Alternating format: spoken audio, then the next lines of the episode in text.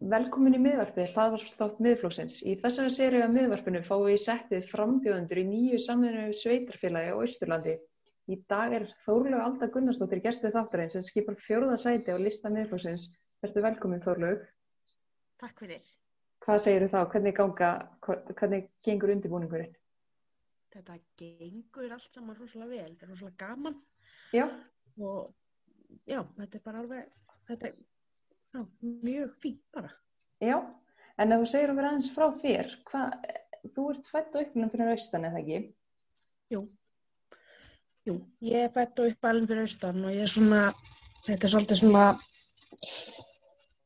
þetta er svolítið í blóðinu að skipta sér af stjórnmálum. Ég er svona uppalinn við, svona, já, Já, bæði fólkdra mín er með svona mikli svona pólitíkusar og, og ég er svona, já, var farin að mynda mér mína skoðanir, sko.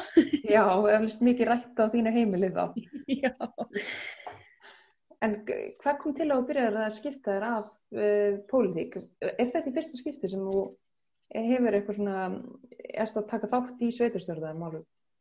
Mm, Nei, þetta er ekki fyrsta skipti. Við böðum fram e, seinast, sem sagt, hann ekki alveg hvað ára var það, sagt, þegar miðflokkurinn var sérst fyrst, kom Já. fyrst í sveitarstjórnarkostningar, þá var, tók ég þátt í því og þá var ég í hvað tíundasæti en var mjög mir- virk í kostningabástum sem slíkri og þetta var rosalega gaman og svona, já, þetta svona, þú veist, náð mjög góðum árangri og bara þetta svona, já, einhvern veginn svona þróast bara í það að ég einhvern veginn þegar maður byrjar þá getur maður ekki hægt. Já, það er nefnilega máli.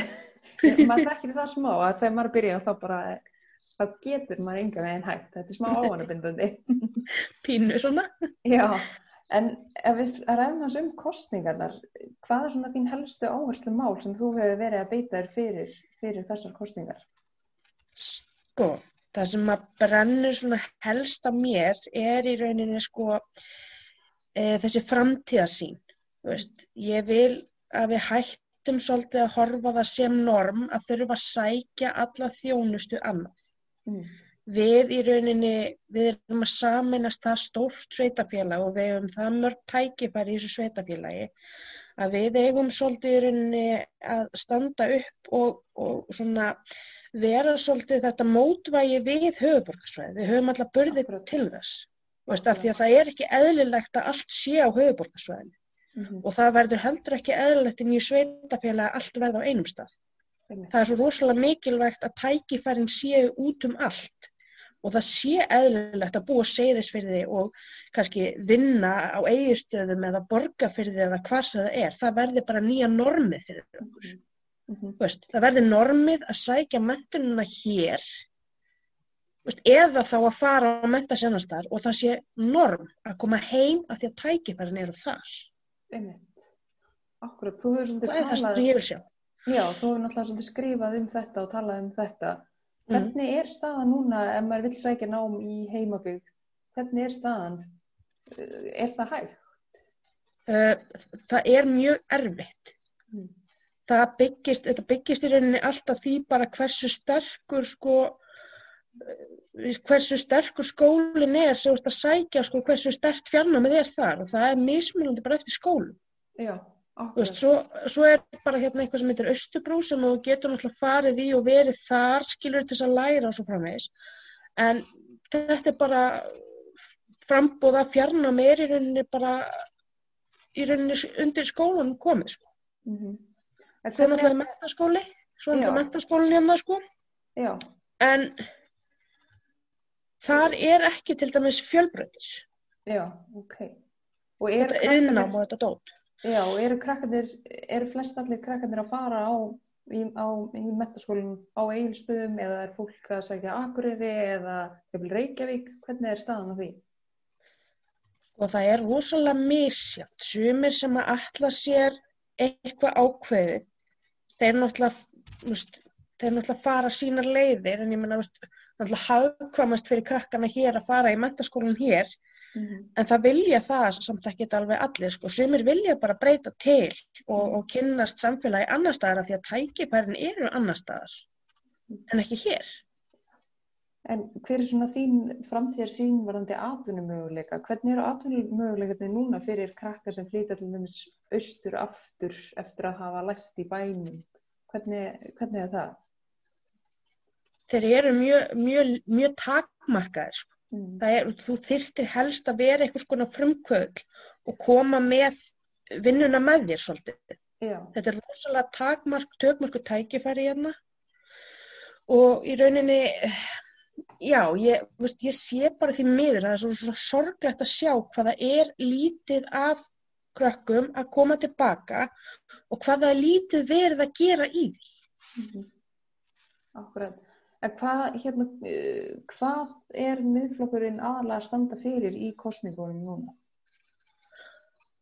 Það er svolítið bara, sem sagt, í rauninni, það, við, við viljum svolítið svona umturna þessari sín sem er búin að vera svo lengi hérna, veist, horfa á skortin, plástra við, þú veist, við komumst aldrei neitt þannig. Við verðum, að, núna er tækifærið að því við erum að saminast, svo stórt svæði, hver með sína sérstöðu, þetta er hægt að taka á markaðsetja mjög vel og í rauninni veist, vera með skiplasmáluna hreinu, veist, vera tilbúin að taka móti fyrirtækjum, veiða fyrirtæki, veist, skapa atvinnu, uh, berjast fyrir samgöngumálum, þurfum, það er líkil, líkil atrið að því að þetta gangi vel að við fáum góða sa samgöngur á milli Akkurat. Og bara þú veist, það er í rauninni veist, svolítið grunnurinn að auka tekjur til þess að gera þetta svona eins og draumurinn er að fá tækifærin hingað. Mm þú Veist, og þetta verður að virka svona svipað eins og hérna, Ísland allt hérna, sem að flokkurinn stendur svolítið fyrir og það er bara í rauninni sveitafélagi allt og einn daginn verður að Austurland allt þegar verðum öll saman. Já, Það er draumurinn. Akkurat. En hvernig er eins og með eh, grunnskólana? Hvernig, eh, hvernig er með, eh, verða þeir ennþá sínum stað eða hvernig sér þau það fyrir? þér? Munið þeir eitthvað samanast eða mun fólk búa við það að geta sótt grunnskóla á sínu svæði núna eins og er? Já, og það, veist, ég, fyrir mína parta vil ég ekki sjá að það verði einhver sammenning á skólum og samnýtt í, í, í nafni einhverja hagraðingar, sko. Mér finnst þið frekar að það er það eiga að vera meira sko frjálst flæði á milli skólana og krakkarnir kynnist innan ný sveitafélag svo fái svona að veist, læra á nýja staði og þannig líka svolítið svona verður þetta norm. Þú veist, að, að veist, þetta verður svona meira flæði, það verður meira normalt fyrir krakkana að fara á milli Mm og þannig í rauninni byggjum við upp þessa hugsun hjá krokkunum að þetta sé allt sveitafélag, ekki bara við erum hér og þannig rígur á milli, skilur það opna flæðið á milli Akkurat. Og hvernig er með tómstundir og annað í sveitafélaginu?